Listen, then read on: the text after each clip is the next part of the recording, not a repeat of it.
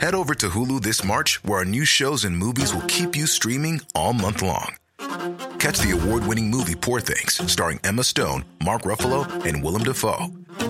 Check out the new documentary, Freaknik The Wildest Party Never Told, about the iconic Atlanta Street Party. And don't miss FX's Shogun, a reimagining of the epic tale, starring Anna Sawai. So, what are you waiting for? Go stream something new on Hulu.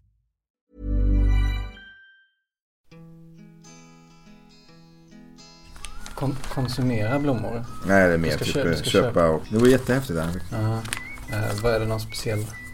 Det här är Blomsterlandet. Det är, det är, en så här, det är eh, de största konkurrenterna till eh, plantagen. Jag menar mest blommor. Är det någon speciell blomma? Jaha, du menar så? Nej, jag, jag kan inte mycket sånt. Min fru kan däremot. Mm, mm. Men jag försöker hitta någonting som är vackert. Jag vet inte. Ja, välkomna till eh, avsnitt 23 av 24 frågor. Välkomna tillbaka. Vi har haft ett litet uppehåll men nu är vi tillbaka med helt nya gäster och eh, jag kan ju, jag ska inte avslöja för mycket men det kommer ju bli lite åka av närmsta veckorna. Jag hoppas att ni kommer tycka om det lika mycket som jag. Men det blir åka av idag också för att dagens gäst är Ardalan Shekarabi, civilminister. Välkommen hit. Tack så hemskt mycket. Hur känns det att sitta här? Ja. Väldigt roligt. Mm. 24 frågor. Fråga 1. Vad är det roligaste med att vara Ardalan Shekarabi? Att det händer många olika saker varje dag. Som vadå till exempel? Jag har liksom ingen aning vad som händer på jobbet när jag lämnar hemmet på morgonen. Vilka människor jag kommer möta. För oftast är det väl verksamhetsbesök. Speciellt nu så är jag ute tre, fyra dagar i veckan. Och jag får möjlighet att besöka äldreboenden, hemtjänst, skolor, bibliotek. Allt möjligt du kan tänka dig i offentliga verksamheter. Eftersom jag är ansvarig för kommunerna så blir det mycket kommunbesök Mm. runt om i landet. Mm. Och då träffar man ju fantastiska människor, inspirerande människor. Och eh, folk är ju väldigt eh, öppna i de här samtalen också.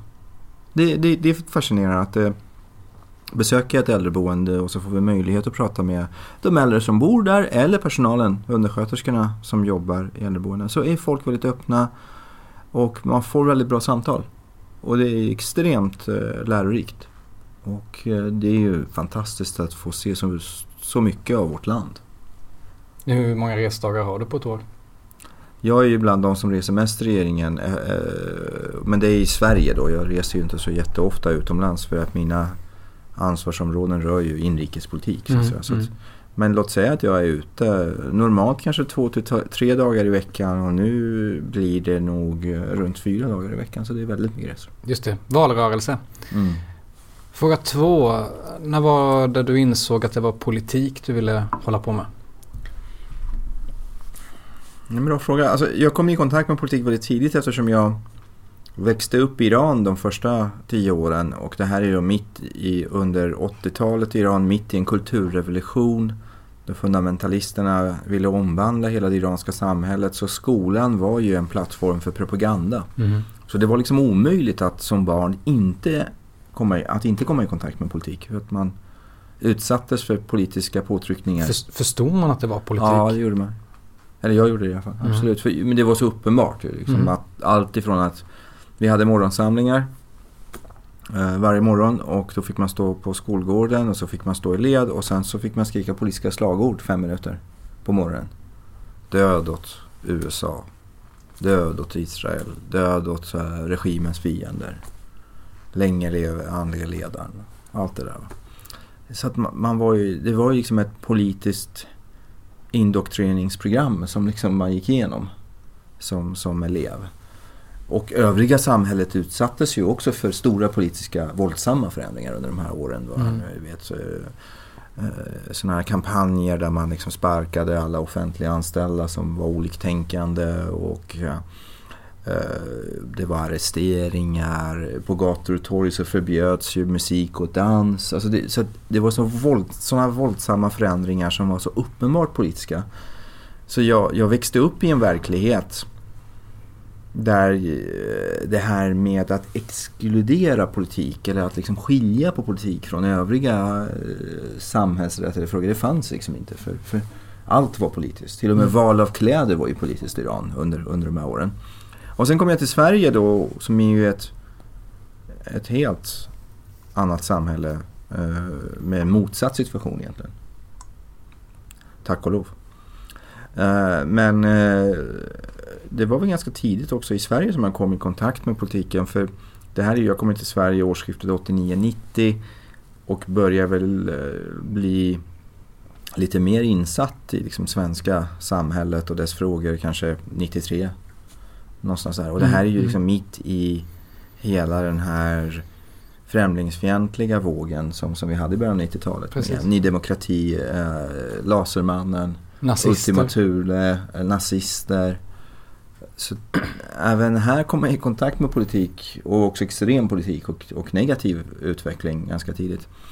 Men sen en dag så, så jag gick ju på högstadiet och jag tror att jag gick i åttan och vi delade aula med en gymnasieskola som låg mitt emot min min högstadieskola, Nynässkolan i Gävle. Mm. Och då hade gymnasieskolan då som, som använde vår aula, de hade besök av Peter Örn som då var eh, partisekreterare för Folkpartiet. Och han höll ett, ett, ett tal om, om politiskt engagemang och liksom vikten av att engagera sig i ungdomsförbund och allt det där. Och jag smög in liksom i det, hans föreläsning i aulan och lyssna. Och det var väl där liksom, politiska intresset väcktes på så sätt att jag bestämde mig för att bli politiskt aktiv och bli medlem i ett ungdomsförbund. Och det här är då eh, 14 år och sånt där, mm. går i åttan. Och, eh, det var inte så lätt att bli medlem i SSU för det fanns knappt i Gävle. Men efter ett tag. Nu är det väl väldigt lätt att gå med i SSU. Det går väl knappt att inte bli medlem om man är sugen. Ja, det här är ju alltså tiden före internet. Ja, det låter ju som man tillhör en, en, ja det tillhör kanske ett annat sekel. Ja, ja, ja för det är det ju faktiskt.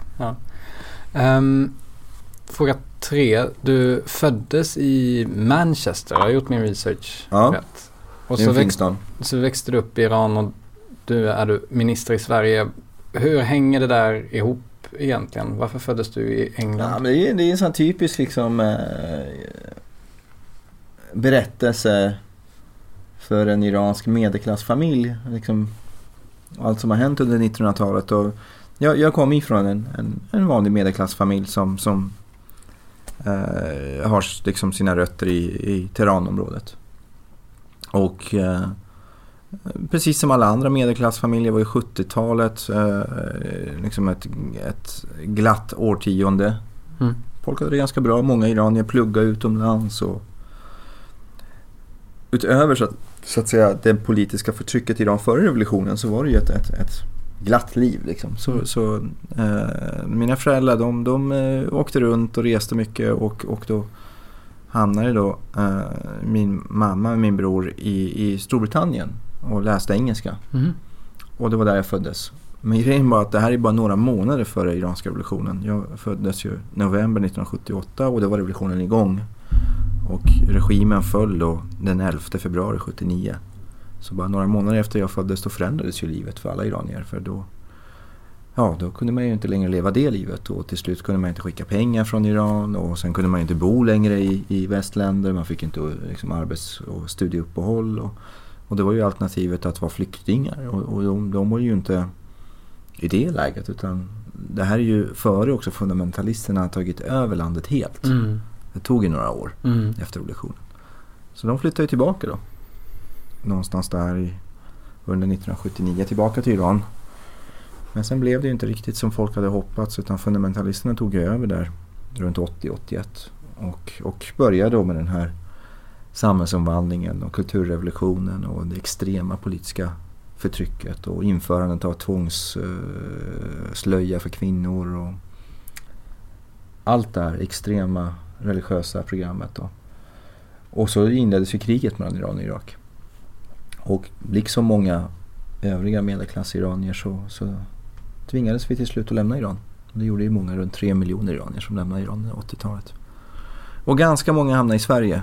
Så det är runt 100 000 med iransk bakgrund som bor i Sverige och vi hamnar ju här som sagt 1989. Så vi lämnade Iran ganska sent i jämförelse med många. Var det inte så länge att du helst inte pratade om eller att du försökte undvika just uppväxten och det här? Jo, det har gått upp och ner. Det har gått upp och ner. Så är det väl generellt för människor att man har liksom olika förhållningssätt till sin barndom och sin mm. uppväxt. Och så har det varit för mig också. Både intresset för Iran har liksom gått upp och ner men också liksom eh, relationen till, till, till den här resan, livsresan. Mm, mm. Men eh, jag vet inte om det har att göra med att man blir äldre och jag har fått egna barn och då, då tänker man ju mycket mer på liksom vad jag har gått igenom och, och, och nu tänker jag och, och pratar mycket om, om, om min livsresa.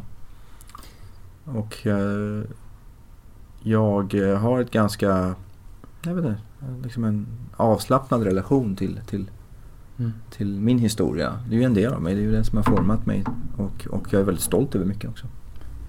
Eh, fråga fyra. Du levde ju gömd ett par år eh, som flykting i slutet av 80-talet, början av 90-talet. Har det på, eller hur har det påverkat dig, tror du? Jo, men det, det har påverkat mig på så sätt att jag under några månader så, när vi, när vi inte fick uppehållstillstånd, vi kom till Sverige, sökte asyl och så fick vi avslag och så gick vi under jorden då ett par månader. Och levde som gömda flyktingar. Och sen gav vi upp efter ett tag och, och kontaktade polisen. Och vi liksom landade i slutsatsen att det inte gick att leva i ett parallellt samhälle. Här, Nej. utan vi ville lämna Sverige. Men då hann vi få uppehållstillstånd när vi var på väg härifrån faktiskt. Mm. Men det innebar ju ändå att jag, jag levde som gömd flykting några månader.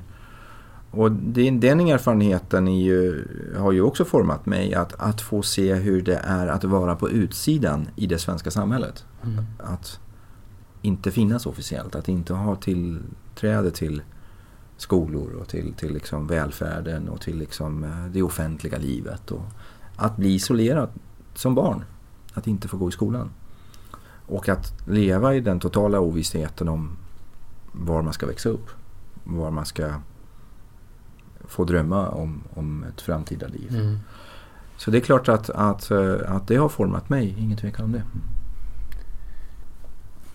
Eh, om vi går vidare på den här lilla livsresan då. Fråga fem. eh, 2014 så blir du utsedd till minister. eh, En lång väg inom, eh, ja, från den här högstadieaulan till SSU, toppolitiker, lite Bryssel och så lite VU. Kommer du ihåg hur du kändes första dagen när du gick in på Finansdepartementet? Mm. Jo men det är ju väldigt, det är en ganska spännande upplevelse. Det är ju så här att det är inte så att man har liksom en överlämning och, liksom en inskolningsperiod som ny minister. Nej. Utan det går till så att statsministern frågar ju liksom vem han vill utse. Och sen så eh, läses namnen upp då i samband med regeringsförklaringen. I samband med maktskifte, i alla fall regeringsskifte är det så. Och sen, ja det är då det blir offentligt och det är då man får liksom börja officiellt också prata om det här. Hur, hur länge hade du vetat om det då? Jag hade vetat om det ett par veckor. Mm. Och, men jag kunde ju inte prata med någon om det. Det Nej. var ju hemligt. Och så liksom läses namnen upp, eh, den, den nya regeringen och så går man över till slottet och har en, en så kallad eh, skifteskonselj med, med, eh, med konungen. Och eh, därifrån så blir man då hämtad av departementets rättschef. Så Finansdepartementets eh, rätts och expeditionschef var och hämtade mig och Magdalena Andersson och Per Bolund på slottet. Ja. Och så hade vi en gemensam promenad från slottet ner till Finansdepartementet. Och så kom vi fram till departementet och då var personalen samlad och så sa vi några ord. Eh, och sen var arbetet igång. Så jag tror att några minuter senare så förväntades jag fatta det första beslutet. Vilket var? Jag kommer inte ihåg, det något administrativt ärende. Eh, och det är ju spännande, man kastas verkligen in i, in i verkligheten. Ja. Och eh, Det finns liksom inte utrymme för inskolning och liksom, eh, överlämning från tidigare statsråd eller sånt där. Utan, utan man, man liksom förväntas funka från dag ett. Och det som gör detta möjligt, det som gör maktskiften möjliga i Sverige, det är ju de opolitiska tjänstemännen som Mm. finns kvar här på departementet Mm. oavsett vilken regering vi har. De med då eh, rätts och expeditionschefen i spetsen möjliggjorde det här skiftet. Då. Så när jag kom hit då fanns det liksom förberett eh, vad jag skulle göra. Folk hade till och med läst sig in på vad Socialdemokraterna tyckte om de frågor som eh, jag blev ansvarig för. Och otroligt proffsigt bemötande och proffsiga tjänstemän som, som liksom möjliggör den här demokratin egentligen, det demokratiska skiftet Mm. Eh, av regeringsmakten i vårt land. Och det är fantastiskt. Det är kanske något som inte lyfts så ofta men, men det, de är liksom en förutsättning. Tjänstemännen i regeringskansliet de är en förutsättning för att vi har eh, en förvaltning som fungerar trots eh, regeringsskiften och, och som möjliggör demokratin. Fråga 6. Är du bra på att ta konflikter? Jag tror det. Jag var väldigt konflikträdd när jag var liten. Eh, men någonstans i, genom det här politiska livet och engagemanget så, så lärde jag mig att hantera konflikter. Jag gillar inte konflikter. Det är ingen människa som trivs med konflikter. Det kan jag inte direkt påstå. Men jag kan ta konflikter om det behövs. Men det finns ju olika, alltså Säg att du är på något torgmöte någonstans och så mm. kommer det fram någon och säger att du är en sån jävla idiot. Hur reagerar du då? Vad händer då med dig? Man får ha ett stort tålamod i sådana situationer och, och naturligtvis ska man inte acceptera att människor eh, går över gränsen. Men Nej. samtidigt så får man ändå ha ett stort tålamod. Jag är ju ute och knackar dörr mycket nu. På kvällstid och helger och, och eh, besöker olika bostadsområden och, och träffar väljare. Mm. Och ställer frågor om vad de tycker om politiken och berättar om vad vi står i olika frågor. Och då möter man ju oftast väldigt trevliga och öppna människor. Men ibland möter man också direkt otrevliga människor. Och då får man ju hantera den situationen med respekt och med tålamod. Och ibland får man bara acceptera att det är människor som inte vill lyssna. Mm.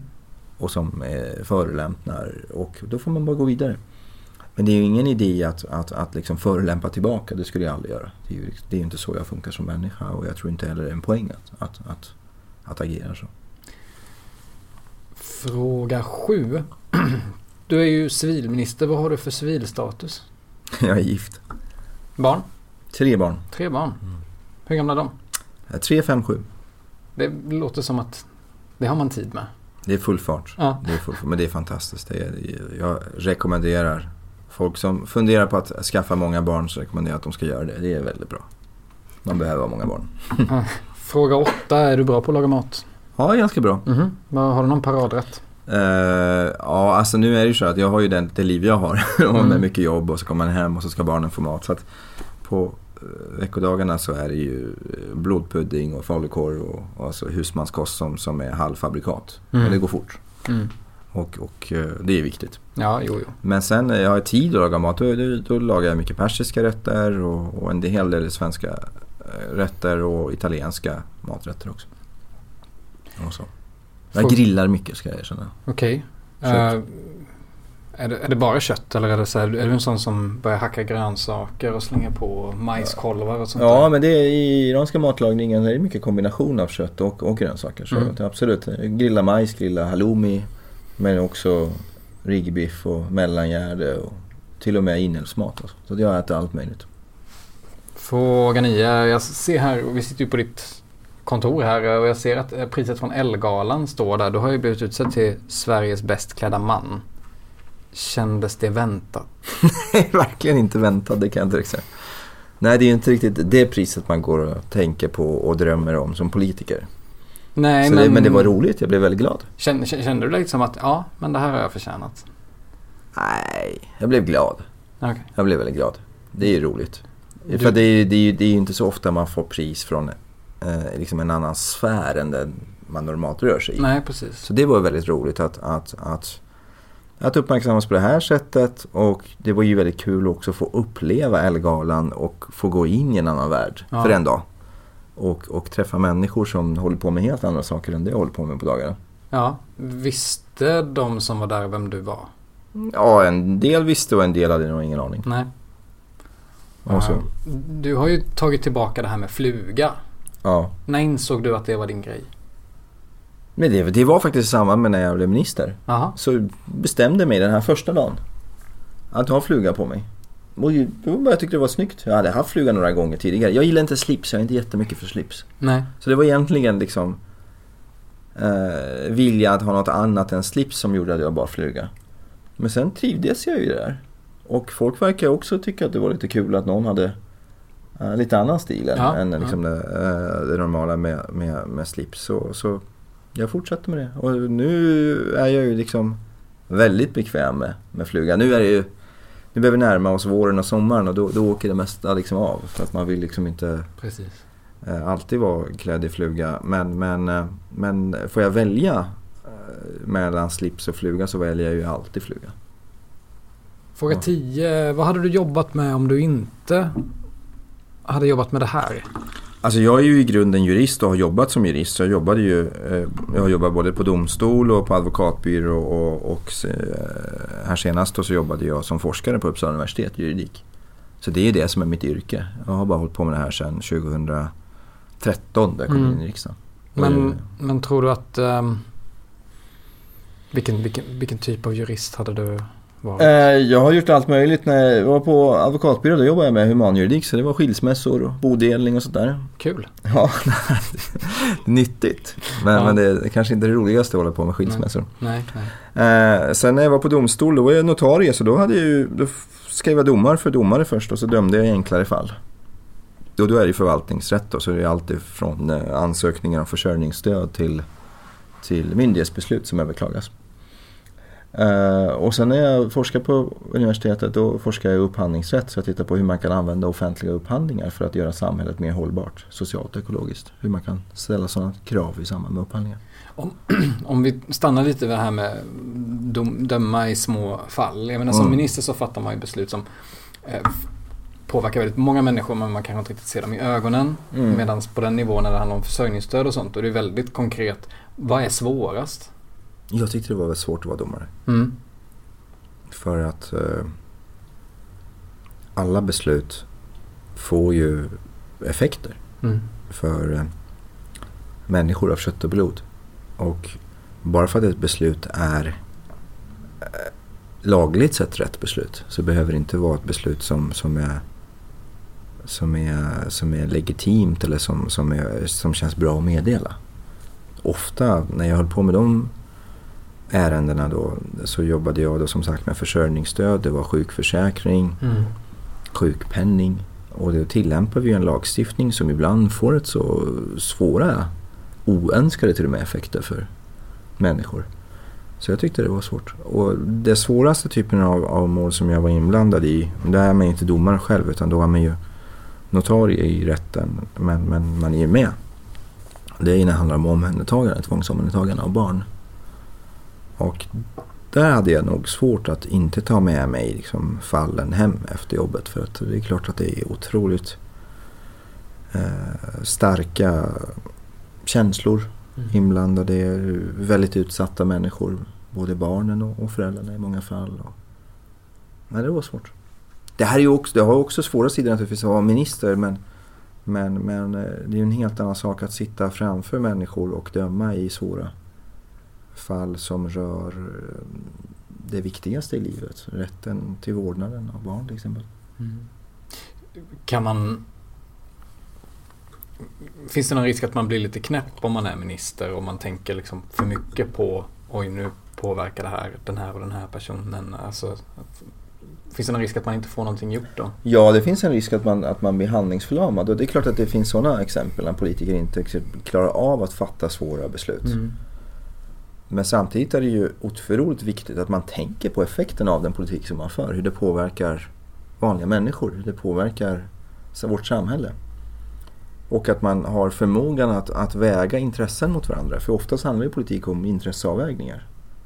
Och hantering av intressekonflikter. Och det handlar om att hitta balansen mellan olika intressen. Och då, då är det viktigt att man tänker på vilka effekter eh, våra beslut får. Fråga 11. Vilken politisk motståndare skulle du säga att du trivs bäst med? I vilket sammanhang menar du? I debatter? Ah, jag tänker mer om, man springer, om du springer på någon i någon korridor någonstans och ställer och börjar småprata lite. Vad, har du någon sån här bästis? Ja, det är många som, som jag har en, en god relation till. Jag har haft eh, förmånen att ha mycket dialog med Ulf Kristersson mm. eftersom han var Moderaternas eh, ja, talesperson eller ansvarig i finansutskottet där de frågor som jag har hand om ofta hanteras och eh, uppskattar att ha att göra med honom. Och eh, eh, haft en hel del kontakt också och samarbete med kulturutskottets ordförande som också är moderat, Olof Lavesson. Där vi har jobbat tillsammans med spelreformen som mm. handlar om att reformera den spel, svenska spelmarknaden. Det är två personer som, som jag har haft ändå en bra kontakt med. Och som, det är ju så, alltså, man jobbar ju ihop tillsammans. Mm. Även om vi tycker olika och röstar olika och, och många gånger så har vi också konflikter som, i frågor som, som engagerar oss självklart. Som är viktiga för samhällsutvecklingen där vi tycker helt olika. Så är det också kollegor som man jobbar tillsammans med och som man många gånger också samarbetar med när vi har gemensamma ståndpunkter och behov av att kompromissa och komma överens. Men inte så att du bjuder in dem till dina grillkvällar och sånt där? Jag har vänner som, som, som jag umgås med som, som, som Inte socialdemokrater självklart, mm. som till och med är aktiva i andra partier och så. Mm. Men, men just de som jag möter i den professionella rollen umgås jag inte på det sättet med. Nej. Men jag har många vänner som, som inte delar mina politiska åsikter. Och så. Apropå att inte dela politiska åsikter, fråga 12. Eh, du har ju varit ute och svingat mycket för det här med vinster i välfärden och blivit ett slags ansikte utåt i den frågan. Men det ser ju inte ut att finnas något stöd i riksdagen och, och jag tänker i din roll, du har väldigt mycket att göra. Hur känns det att lägga ner så mycket tid och så mycket energi och så mycket mediatid på någonting som man känner, eller som du kanske känner innerst inne att det här kommer ju ändå inte gå igenom riksdagen. Hur funkar det när man är minister? Men man får tänka långsiktigt. Jag har läst mycket, jag, är väldigt intresserad av historia, modern historia framförallt. Mm. Så jag har läst mycket om, om, om eh, kampen för allmän och lika rösträtt i Sverige. Och framförallt kampen eh, i början av ja, 00-talet och 10-talet då och hur socialdemokrater och liberaler slogs för att få igenom allmän och lika rösträtt. Herregud, det tog tid. Alltså. Mm. Man fick lägga fram förslag flera gånger, man fick stryk flera gånger, man satt i svåra förhandlingar med, med högerpartiet eller med de konservativa och, och, och, och förlorade de förhandlingarna i flera omgångar. Men till slut så, så fick man igenom allmän och lika rösträtt och uh, hade möjlighet att omvandla samhället man får se den här frågan på det här sättet också. Att nu har vi inlett en resa som handlar om att skapa ordning och reda i välfärden och se till att våra skattepengar används till det de är avsedda för. Det finns ett jättestarkt motstånd för det finns många som har ekonomiska intressen i det här. Det är ju många miljarder som försvinner från skolan, sjukvården, äldreomsorgen som skulle ha hamnat i de här verksamheterna. Skattepengar men som lämnar verksamheten. Det är klart att det finns de som slåss för att det ska förbli så. Men min uppgift är att utifrån min övertygelse kämpa för förändringen. Och sen är det så att man får igenom en del, vi har fått igenom en hel del under den här mandatperioden med meddelarskydd för de som jobbar i fristående verksamheter och eh, med förbud eh, mot att eh, sälja ut kommunal egendom till underpris och nu snart kommer vi få igenom också ägar och ledningsprövning av de fristående aktörerna. Så det händer jättemycket. Men när det gäller vinstbegränsning så har vi inte majoritet i dagens riksdag.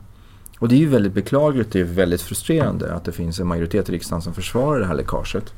Och att vi är unika i världen dessutom. Det finns liksom inget annat land i västvärlden, i Norden, i Europa som tillåter vinstuttag från skolan. Vi är helt ensamma där. Så det är klart det är frustrerande att vi inte kan ändra det.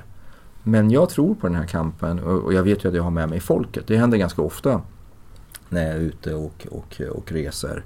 Att folk kommer fram och, och, och bara påminner om att det finns ett jättestarkt folkligt stöd och en folklig ilska mot de här vinsterna i välfärden. Så det gäller att hålla i den här frågan, ha tålamod och inte ge upp så tror jag att förändringen kommer komma. För den modell vi har, där vi är helt ensamma i världen, det har ingen folklig förankring och det är, en, det är ett väldigt märkligt upplägg att vi tillåter våra skattepengar att läcka från skolan.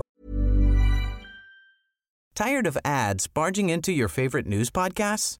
Good news. Ad-free listening is available on Amazon Music for all the music plus top podcasts included with your Prime membership. Stay up to date on everything newsworthy by downloading the Amazon Music app for free or go to amazon.com slash news ad free.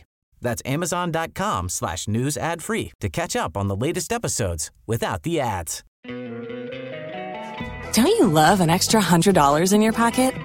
Have a TurboTax expert file your taxes for you by March 31st to get $100 back instantly.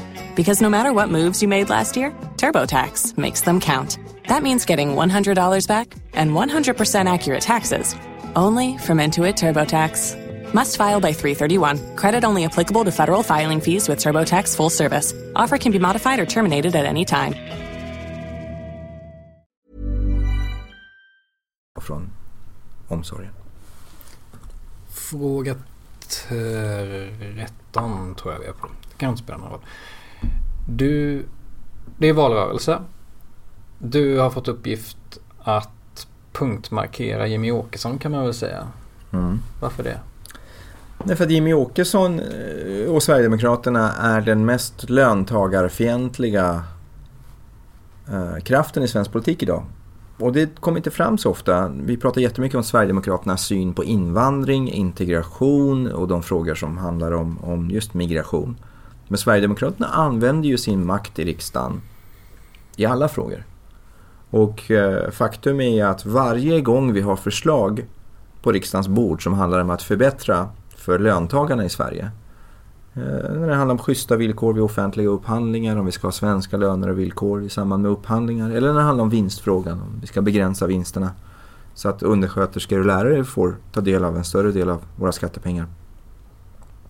Så röstar Sverigedemokraterna mot de här förslagen. De väljer verkligen att vara mot löntagarnas intressen. Och då är det viktigt att de ställs till svar så att vi får igång en debatt.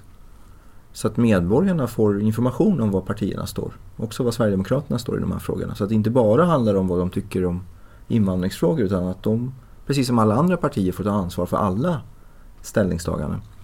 Så jag utmanade ju Jimmy Åkesson på debatter och vi har haft två debatter. En i Bromölla som handlar om varför Sverigedemokraterna eh, tog ställning mot krav på svenska kollektivavtalsenliga löner och villkor i samband med offentliga upphandlingar. Och sen hade vi en debatt i Uppsala som handlade om eh, vårt förslag att begränsa vinsterna i välfärden och skolan och Sverigedemokraternas motstånd mot det här förslaget. Och jag tror på den metoden att även om vi tycker väldigt olika, jag och Jimmy Åkesson, och jag menar våra partier har helt olika människosyn och värdegrund, så är det viktigt att vi har ett öppet, ärligt samtal, respektfull debatt. Hård debatt, men respektfull debatt. Där jag presenterar mina åsikter och värderingar och, och ställningstaganden och han får presentera sina ställningstaganden och så får vi argumentera mot varandra och sen är det i slutändan folket, väljarna som avgör vem som ska få styra vårt land. Men jag tror på debatten och jag tror att debatten är viktig. Och jag tror att det är viktigt att alla partier, inklusive Sverigedemokraterna, ställs till svars för sina ställningstaganden. Så att vi inte bara lovar och säger en sak i valrörelser och så agerar vi helt annorlunda. Då är det rimligt ändå att man ställs till svars när man ändrar sig. Vilket Sverigedemokraterna har gjort i vinstfrågan bland annat. Känner du att du kommer fram till folk där? Alltså når fram till SDs väljare eller Jimmys supportrar? Ja, i de debatterna som vi har haft då i, i Bromölla och i Uppsala så, så har det till och med kommit fram sverigedemokratiska medlemmar och, och diskuterat efteråt. Och, och, och så att säga där märks det att, att folk lyssnar och tar in. Till och med de som är engagerade sverigedemokrater lyssnar på mm. argumenten mm. och, och, och, så. Sen finns det ju liksom en, en, en liksom ganska liten grupp men som hörs och syns mycket i sociala medier som är direkt hatiska. Och som, som tillhör Sverigedemokraternas sympatisörer som har starka främlingsfientliga åsikter och som uttrycker hat och hot i sociala medier. Och det är klart att den gruppen når man inte ut till i sådana här debatter. För det är en grupp som inte vill lyssna. Men de är ju en väldigt liten minoritet. De mm. flesta människor är ju ändå öppna för mm. argument. Bara vi politiker tar vårt ansvar och gör det som vi lyckades med i de här två debatterna. Att föra politiskt samtal. Och det här var ju två debatter där vi inte avbröt varandra och där vi inte avbröts. Nej. Utan vi hade en hel timme mm. eh, respektive gång. Eh, och, och det var bra. Det var väldigt bra. Annie Lööf och Jonas Sjöstedt kör ju en liknande grej. Tror du att det, det kommer bli Kommer vi ha partiledardebatter på Skandinavium igen snart? Tror du? Det tror jag nog. Ja. För intresset är stort. Det märktes ju både i Bromölla och i, i Uppsala att det var ju jättemycket folk. Ja. Bromölla, Bromölla var det ju mitt på dagen. Och i Uppsala var det en vardagskväll. Ja. Ute på ett av torgen i Uppsala och en, en, en stor parkering i Bromölla. Och det var, det var jättemycket folk. Så folk är intresserade av, av debatter. Och debatter där man får utveckla sina argument och åsikter och bemöta varandra. För de debatter som vi är vana med i media det är ju debatter som eh, har helt eh, omöjliga förutsättningar. Du ska uttrycka på två minuter vad du mm. tycker och du ska få bemöta din motståndare i tre meningar. Och mm. Det blir ju mer pajkastning istället för att man ska få möjlighet att koncentrera sig på ett ämne eller ett par ämnen och bemöta varandra. Eh, så jag tror definitivt att det finns en, en sån efterfrågan och, och, vi har fått väldigt positiv respons på de här debatterna. Mm. Sen får vi se om Jimmy Åkesson ställer upp på fler debatter. Han, han har hittills inte varit särskilt villig till att ställa upp på en tredje debatt. Men vi ska fortsätta att tjata för att få de här debatterna. Utmaningen ligger där. Ja, absolut. Ja. Eh, fråga 14. Du har ju hamnat i en beef med en helt annan person i dagarna, nämligen Zlatan Ibrahimovic. Jo. Hur känns det? Nej men jag blev så besviken med Zlatan, herregud. Det är en av, en av världens bästa fotbollsspelare i modern tid tycker jag. Mm. Han är förmodligen Sveriges största idrottare genom tiderna. Uh, han har en enorm uh, makt att påverka människor. Inte bara i Sverige, utan i hela världen. Jag måste bara berätta när jag var på en FN-konferens i samband med att Zlatan gick över till Manchester United. Det var en stor FN-konferens i Turkiet och det var representanter från världens alla länder. Och jag representerade Sverige tillsammans med kabinettssekreteraren på UD. Och det kom fram ministrar och ambassadörer och till och med regeringschefer och fråga om övergången, eventuell mm. övergången till Manchester United. Som, som, som, att du satte på en massa... Som att jag, jag hade direktkontakt med Zlatan. Och då insåg man ju att det här är ju en, en han har ju en unik position. Ja. Det finns liksom ingen svensk som ens är i närheten av, av den här ställningen internationellt. Och, och eh, det är klart att jag blir besviken på att en sån person med, med, med sån framgång och så, med sån makt och folklighet liksom, eh, gör reklam för ett utlandsbaserat spelföretag som inte följer svenska regler än. Nu ska ju alla in i systemet från 1 januari. Riksdagen ska fatta beslut om vårt, eh, vår spelreform inom mm. kort och mm. det kommer gå igenom. Mm. Men än så är det så att det här bolaget inte har tillstånd att driva verksamhet i Sverige. Det är en sak. Och så får han kritik då för att ja, men det här är ju liksom reklam och, och, och marknadsföring som riktas till och med mot utsatta grupper, spelberoende människor, unga människor som kan hamna i ett spelmissbruk. Och så skriver då en grupp personer som, som antingen själva varit spelberoende eller som har haft människor i sin närhet som varit spelberoende ett brev till honom och säger att det här är inte så klokt för att spelmissbruket finns där och de här mm. bolagen går över gränsen många gånger. Och då är hans svar att han hänvisar till att ja, men Svenska Spel är också dumma. Det är dem ni borde prata med. Det tycker jag inte riktigt är ett ansvarsfullt sätt att hantera det här utan han borde ta ett större ansvar. Han är en stor person i vårt land och i världen. Vad skulle du helst vilja att Zlatan gjorde? Ja, att han lyssnar. Mm. Att han lyssnar på de här människorna. Det, det, ibland är det ju svårt. Men, men, men jag tror att även Zlatan mår bra av att bara lyssna ibland. Mm. Det är inte så dumt att sätta sig med barn till spelberoende människor och få höra deras verklighet. Uh, tårarna, tårarna kommer fram liksom. Så är det. Men, men det, är nog, det är inte så dumt att, um, att vi lyssnar då och då. Och jag har ju som ansvarig minister för spelpolitik träffat många som hamnat i spelmissbruk under de här tre åren. Och haft med dem i hela den här processen när vi ska förändra och återta kontrollen över spelmarknaden och skydda våra konsumenter. Och, och det är hemska berättelser. Det är hemska berättelser. Och några av de här Malta-baserade spelbolagen som idag inte betalar skatt i vårt land, som inte följer lagstiftningen. Mm. De, de beter sig illa. De beter sig illa och jag är väldigt glad att vi får igenom den här reformen så alla bolag, oavsett om de är statligt ägda eller, eller privat ägda, faktiskt följer svensk lagstiftning och tvingas skydda konsumenterna. Fråga 15. Vilken skulle du säga är den största utmaningen i svensk politik idag? Ja, att vi bryter det här, eh, den här blockpolitiken som är så himla fördummande. Att vi förväntas liksom sitta i ett block här på vänstra sidan av planhalvan och så ska borgarna sitta på den andra sidan planhalvan och så ska vi liksom bråka med varandra. Mm. Jag tror att Sverige behöver mer samarbete. Vi tycker olika i en ett antal frågor. Vinstfrågan berörde vi. Då får liksom medborgarna avgöra de frågorna. Men sen måste vi ju samarbeta över blockgränsen. Och jag gillar inte alls den här blockpolitiken och att det är så mycket fokus på konflikt. Och vi borde faktiskt eh, samarbeta mer eh, och, och, och eh, försöka hitta gemensamma lösningar. Och då kan vi inte dela upp svenska partierna i två block som, som, eh, som vi gjort hittills. Eh, det är ju val snart och eh, Socialdemokraterna ligger på ja, mellan 27 och 30 i opinionsmätningarna. Är du någon orolig? Ja, alltså man är alltid orolig inför ett val. Det, allt annat vore ju konstigt. Jag vill ju att vi ska vara så stora som möjligt. Jag vill att Socialdemokraterna ska vara den starka kraften, den dominerande kraften i svensk politik. Det är ju för att jag är socialdemokrat. Jag vill ju att samhället ska gå åt det håll som överensstämmer med mina åsikter och värderingar. Men jag känner när vi är ute och pratar så, så har vi en god chans att, att flytta fram våra positioner och växa fram till valdagen. Det är jag ganska övertygad om. Men nu är det ju många partier också som tävlar om rösterna. Ska man mm. komma ihåg. Vi, mm. vi, var ju under lång tid vana med fem partier. Och, nu är det typ tio. Ja, nu är det i alla fall över åtta partier som, mm. Som slåss om, om väljarna. Så, så det, det är ju lite annat, annat politiskt läge idag. Mm. Fråga 16. Ehm, om vi pratar lite med, mer om framtid. Ditt namn är ju ett namn som dyker upp när man pratar just om Socialdemokraternas framtid. Till och med som eh, efterträdare till eh, partiledarposten någon gång. Hur ser du när du hör sånt? Tänker inte de banorna överhuvudtaget. Man kan inte gå runt och tänka i sådana banor utan det är viktigt som politiker och nu när jag är ansvarig minister. Ja. Att man varje dag, varje morgon när man går upp och tänker okej okay, nu har jag det här ansvaret. Jag har den här makten. Hur använder jag makten och ansvaret den här dagen till att göra livet bättre för vanliga människor? Och det är Tänk, så jag tänker. Tänker du det? Ja, ja, absolut. Absolut. För jag menar, många av de frågor som jag har hand om är frågor som rör människor.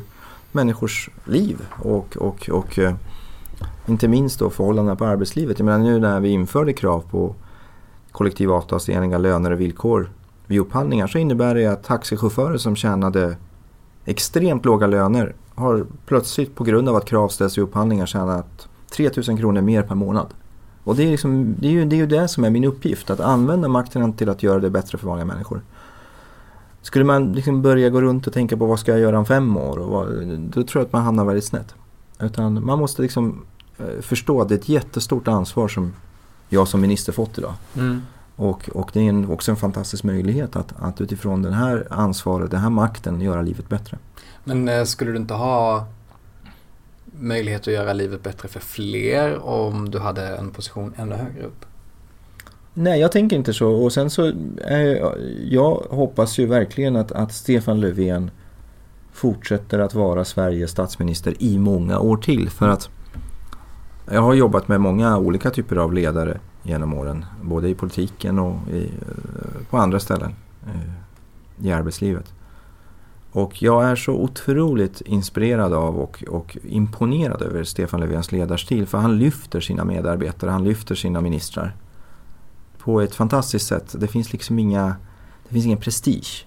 Utan, mm. utan eh, Stefan Löfven är en genuin människa. Och han är den man ser. Han står för de värderingar som han uttrycker. Det är han på riktigt. Och i dagens värld då det finns ett det finns en politikerförakt. Liksom. Inte, jag menar, jag pratar inte bara specifikt Sverige utan generellt i västvärlden så mm. finns det ju politikerförakt och ett växande avstånd mellan politiker och, och, och medborgare. Då känns det fantastiskt att ha en statsminister som är så nära sitt folk ändå, som, som, är, som är så genuin och som kör med öppna kort. Så jag hoppas verkligen att Stefan Löfven fortsätter att vara vår statsminister i många år till. Och det är inte bara för att eh, jag är minister i hans regering och socialdemokrat utan jag menar ledarstilen, jag menar de värderingar som han står upp för. Fråga 17, vi vänder på det lite. Finns det mm. någon politisk fråga som du absolut inte bryr dig om? Alltså så här, typ, du förstår varför andra kan bry sig om det men du själv har noll feeling i den. Nej men så här, man, när man är minister, det är lite tråkigt att säga det här men, men, men det är på riktigt så att man blir ju väldigt fokuserad på sitt ansvarsområde. Så jag har liksom väldigt bra koll på de frågor och jag är, frågor, jag är ansvarig för många frågor. Kommuner och landsting, statlig förvaltning, upphandlingar, digitalisering och offentlig sektor, statlig arbetsgivarpolitik, utnämningspolitik. Det är väldigt många frågor. Liksom. Mm, mm. Och jag, liksom, min hjärna är helt fokuserad på att hålla koll på de frågorna. Och det innebär ju då eh, att jag har inte detaljkoll på andras ansvarsområden. Det innebär inte att jag är ointresserad av det som händer. Eh, på andra departement eller av andra ministrar. Utan det innebär bara att jag måste koncentrera mig på det jag är ansvarig för och se till mm. att ha full koll. Och, och följa utvecklingen och, och, alltid vara insatt. Okej, eh, fråga 18. När du var i 25-årsåldern så blev du ordförande i SSU. Och det är ju en ganska tung post inom socialdemokratin. Det är liksom en framtidspost, det är den här ungdomsposten. Men det började ju blåsa rätt mycket kring dig ganska tidigt. Det var ett avslöjande om eh, interna pengar till en egen kampanj och det var medlemssiffrorna och det var ju någonting som pågick under flera år. Men hur ser du tillbaka på den tiden nu, sådär 15 år senare? Jag är ärligt jag kan säga glad. Jag, kan säga, jag är glad att jag gick igenom det där. Mm. Det har format mig väldigt mycket jag tror att det är bra att man har erfarenhet av att åka på stryk. I, i, i, i arbetslivet eller i, i karriären eller i liksom de uppdrag som man har. För man får distans, man får lära sig saker och ting av sina egna misstag och man får också ett kritiskt perspektiv på saker och ting som man annars inte hade varit kritisk mot. jag kom in i SSU då som 14-åring och sen så, som du säger då, så, så blev jag förbundsordförande när jag var runt 24 eller sånt där. Och man fostrades ju liksom in i en, i en kultur där det fanns liksom två falanger i SSU som bråkade med varandra och, och, och eh, liksom i den här kampen mellan olika fraktionerna eller falangerna i SSU så, så var det mycket som var tillåtet som inte borde vara tillåtet härifrån. Men man liksom fostrades in i det där och jag var en del av det. Mm. Och, och, också ansvarig för, för, för de striderna och liksom effekterna av de striderna. Så jag lämnade det här och, eh, och gick på den här kongressen då 2005 eh, var det. Mm. Så gick jag därifrån med, med ändå mycket mer kritisk, kritiskt perspektiv på politiken jag hade när jag blev ordförande i SSU. Jag insåg liksom att det finns ett enormt behov av att fokusera på etiska frågeställningar i politiken, att kritiskt granska eh, våra beteenden och ageranden inom politiken. Att inte se fienden internt eller externt som ondskan. Utan faktiskt se att, att även i en organisation där man tycker väldigt olika så måste man försöka kompromissa och ha tydliga etiska ramar och gränser. Och det har, liksom det har påverkat mig och format mig och gjort mig till den jag är idag. Så även om det var extremt jobbigt när det här pågick mm med liksom ett, ett, ett, ja, men en, en stor konflikt och mediedrev och allting. Så är jag ändå tacksam. Tacksam är nog rätt ord. Det är kanske bättre ord än glad. Jag är tacksam för att jag ändå eh, gick igenom detta och formades av detta. Tänkte du någon gång att ja, det var det. Nu, nu är det färdigt med den här karriären? Med politiken med det? Ja. Oh, jag kände direkt efter mm. det där att jag var väldigt osugen på, på politisk politisk karriär. Mm. Eh, eller engagemang till och med. Jag var liksom helt inställd på andra saker. Men sen finns ju politiska intresset där och engagemanget finns där i grunden. Och då växte liksom viljan att bli mer partipolitiskt aktiv igen efter ett tag. Men absolut, efter den här historien så, så var det en ganska lång period där jag var väldigt osugen på, på, på partipolitik. Också. Fråga 19. Känner du någon gång med tanke på, vi var inne på lite på din, eh, din barndom och det här med flyktingar. känner du någon gång att Socialdemokraterna borde ändra sin, den flyktingpolitik man har idag och kanske då, som man brukar säga, ha en mer human flyktingpolitik? Men det är ju, det är ju liksom det en av, de här, en av mandatperiodens stora frågor. Hur vi gör de här intresseavvägningarna. För, för mig är det jätteviktigt att vi står upp för asylrätten. Mm. Att vi är solidariska och tar ansvar för vår del av flyktingmottagandet. Och samtidigt så vill jag ha ett mottagande som möjliggör en bra etablering av människor som kommer till Sverige som inte innebär ett hot mot välfärden för de som bor i Sverige. Och det här är ju liksom intressekonflikter. Det är ju, det, jag tror det är jätteviktigt att vi politiker erkänner det. Att här finns det liksom ibland eh, intressen som hamnar i konflikt med varandra. Och då är ju den stora uppgiften på politiken det är att göra de här avvägningarna, intresseavvägningarna. Och, och faktiskt också vara transparent med de här avvägningarna. Och, och eh, det är det vi har gjort under den här mandatperioden. Vi insåg liksom att okay, den, det mottagande, den, den storlek på mottagandet som vi hade 2015. Det var liksom på en nivå som innebar att vi inte klarade av det. Vi klarade inte av en bra etablering och det, blev, det kunde bli också ett hot mot, mot välfärden i Sverige. Vi behövde få ner antalet asylsökande och då fattade vi tuffa beslut under hösten 2015. Det var inte lätt för mig för jag har liksom själv upplevt hur det är att vara asylsökande, hur det är att inte få uppehållstillstånd. Och, jag vet också vad tuffa beslut innebär för de människor som påverkas. Men jag var övertygad om att detta, och jag är övertygad om att detta var nödvändigt för att vi ska kunna ha ett hållbart mottagande på sikt. Och ha ett mottagande som har svenskarnas stöd.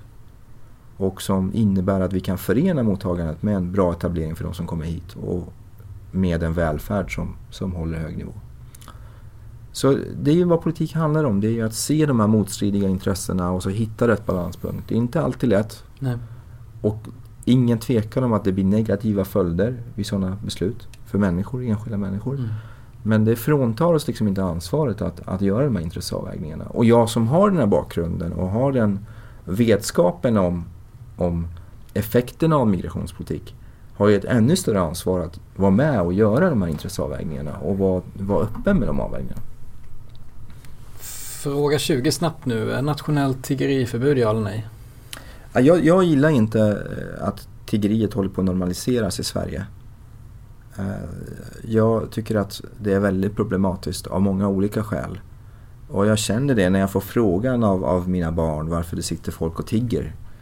Jag har liksom inget riktigt svar. Mm. Vi, vi, vi, vill inte ha ett sånt samhälle. Vi vill ha ett välfärdssamhälle där med ett samhällskontrakt där vi hjälps åt och får bort fattigdomen och utanförskapet från vårt samhälle. Och för en socialdemokrat är ju tiggeriet aldrig en lösning på fattigdomen utan det är ju egenförsörjning, det är organisering. Det är ju liksom den väg som vi har gått under 1900-talet. Och eh, ursprungliga problemet är ju att vi har ett enormt utanförskap och fattigdom i bland annat Rumänien och Bulgarien mm. mot den romska befolkningen.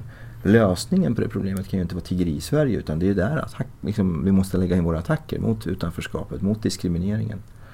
Så jag vill ju gärna se att de här länderna tar sitt ansvar och att vi får bort tiggeriet från våra gator. För, för det är liksom inte en del av vår samhällsmodell att, ha, att normalisera tiggeri. Jag tror att det, det förändrar oss om vi vänjer oss med tanken att människor sitter utanför våra butiker och, och, och, och eh, ber om pengar. Det är ju inte riktigt de värderingarna och den samhällsmodellen som jag vill ska prägla Sverige. Så vad landade vi att, att man måste eh, kombinera sociala insatser med restriktioner. Jag tror det. Det är min personliga åsikt. Hur hårda restriktioner? Ja, det beror på vad det krävs för, för restriktioner för att man ska uppnå syftet. Men det måste kombineras med sociala insatser. Jag har problem med förslag som bara handlar om, om, om det repressiva. För det handlar ju om att säga nej men i Sverige tigger vi inte. Men mm. det finns det här alternativet. Mm, mm. Och det, det, är ju jätteviktigt. Och sen är ju huvudansvaret till ju de länderna, de medlemsstaterna i EU som det faktiskt rör. Som tar emot väldigt många miljarder per år. Mm. Inte minst från Sverige, nej. Bulgarien och Rumänien. De har ett ansvar att leva upp till de krav som EU-bestämmelserna har på dem. Och där finns det inget utrymme för den här typen av diskriminering och utanförskap mot den romska befolkningen. Utan de måste ta sitt ansvar. Men lösningen är inte tiggeri här. Jag, jag tror inte på tiggeri. Fråga 21. Vad vet du idag som du önskade att du visste för 20 år sedan? Väldigt mycket. Väldigt mycket. Men om du, om du kunde åka tidsmaskinen 20 år tillbaka och träffa vad blir det, 19-åriga Ardalan Shekarabi och snacka lite. Vad, vad skulle du säga då? Oj, det är mycket. Jag skulle säga ett lässpråk. Jag ja. ångrar så djupt att jag inte läser, läste fler språk. Mm. Det skulle varit fantastiskt att tala flytande franska. Men det är väl inte för sent? Nej, det är verkligen inte för sent. Det är bara att det är svårt att få tiden att räcka till att läsa sig, lära sig ett nytt språk. Men det är klart att, att med disciplin så... Nej, men så, det finns ju en massa appar. Och, ja, ja, visst. Absolut. Men det är mycket man ska hinna med ja, i livet. Jo, men, men det är klart att, att det var ju lite, jag läste ju franska på gymnasiet men jag förstod liksom inte vilken nytta jag skulle ha av det här språket. Nej. Så man la inte så mycket energi på det. Det är en sak. Två är att jag och många med mig i den, den åldern var liksom orolig för vad, vad tyckte omgivningen om olika saker. Hur jag var. Och jag menar, det behöver man inte tänka allt för mycket på. Utan man kan faktiskt eh, forma sitt liv utifrån de egna ställningstagandena och hur man själv vill leva. Mm. Och det är klart att det är liksom en vetskap som växer med åren. Att inte jämföra sig med andra så mycket. Ja, mm. utan sätta upp egna mål och liksom bestämma själv hur man vill leva livet. Vända på den då, fråga 22. Om du och jag sitter här och pratar om 10 år. Vad tror du har hänt då? Då är du 49, nästan 50. Ja, det var också en bra fråga. Ja. Men jag hoppas ju att, att, att eh, jag lever liksom ett liv som jag vill leva. Uh, att jag har följt mina värderingar. Ja. Som jag vill. Du har inte sålt ut? Nej, det hoppas jag verkligen inte. Nej. Uh, att uh, vi lever i ett samhälle som är bättre då.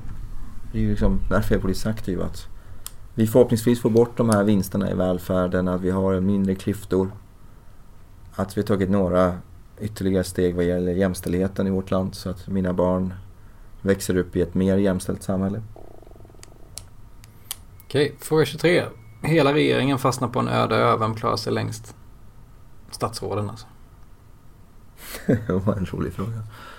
Ja, alltså, mina kollegor på Finansdepartementet, Magdalena Andersson och Per Bolund. Det är ju två människor som, som är extremt målmedvetna, de är väldigt skickliga. De är vältränade och utövar idrott väldigt ofta. Alltså. Så att jag tror att de klarar sig betydligt längre än vad jag gör i alla fall. Ja, vad skulle du känna att Skulle du bara ge upp efter ett Nej, tag, jag skulle eller? inte ge upp. Men, men, men jag har nog ingen chans eh, mot, mot Magdalena eller Per. De, de, de är betydligt mer eh, vältränade för att eh, klara av hårda villkor. Vad håller Magdalena Andersson på med för sport? Eh, hon, har varit, hon har tävlat i simning. Och Per Bolund cyklar och, och, och håller på med sånt också. Fråga 24. Hur känns det nu? Väldigt bra. Ja. Roligt samtal. Mm. Ja, ja, jag är beredd att hålla med. Det var väldigt trevligt och tack eh, så mycket för att du ville vara med. Tack, Tack för att du som lyssnat faktiskt har lyssnat och att du lyssnade på hela. Det uppskattas alltid. Eh, vi är tillbaka nästa vecka och eh, ja, jag och Ardalan Shekarabi säger väl hej och tack. Tack så mycket. Hej då. Ta hand om er. Samma, hej. Så. Tired of ads barging into your favorite news podcasts? Good news. Ad-free listening is available on Amazon Music for all the music plus top podcasts included with your Prime membership. Stay up to date on everything newsworthy by downloading the Amazon Music app for free or go to amazon.com slash news ad free. That's amazon.com slash news ad free to catch up on the latest episodes without the ads.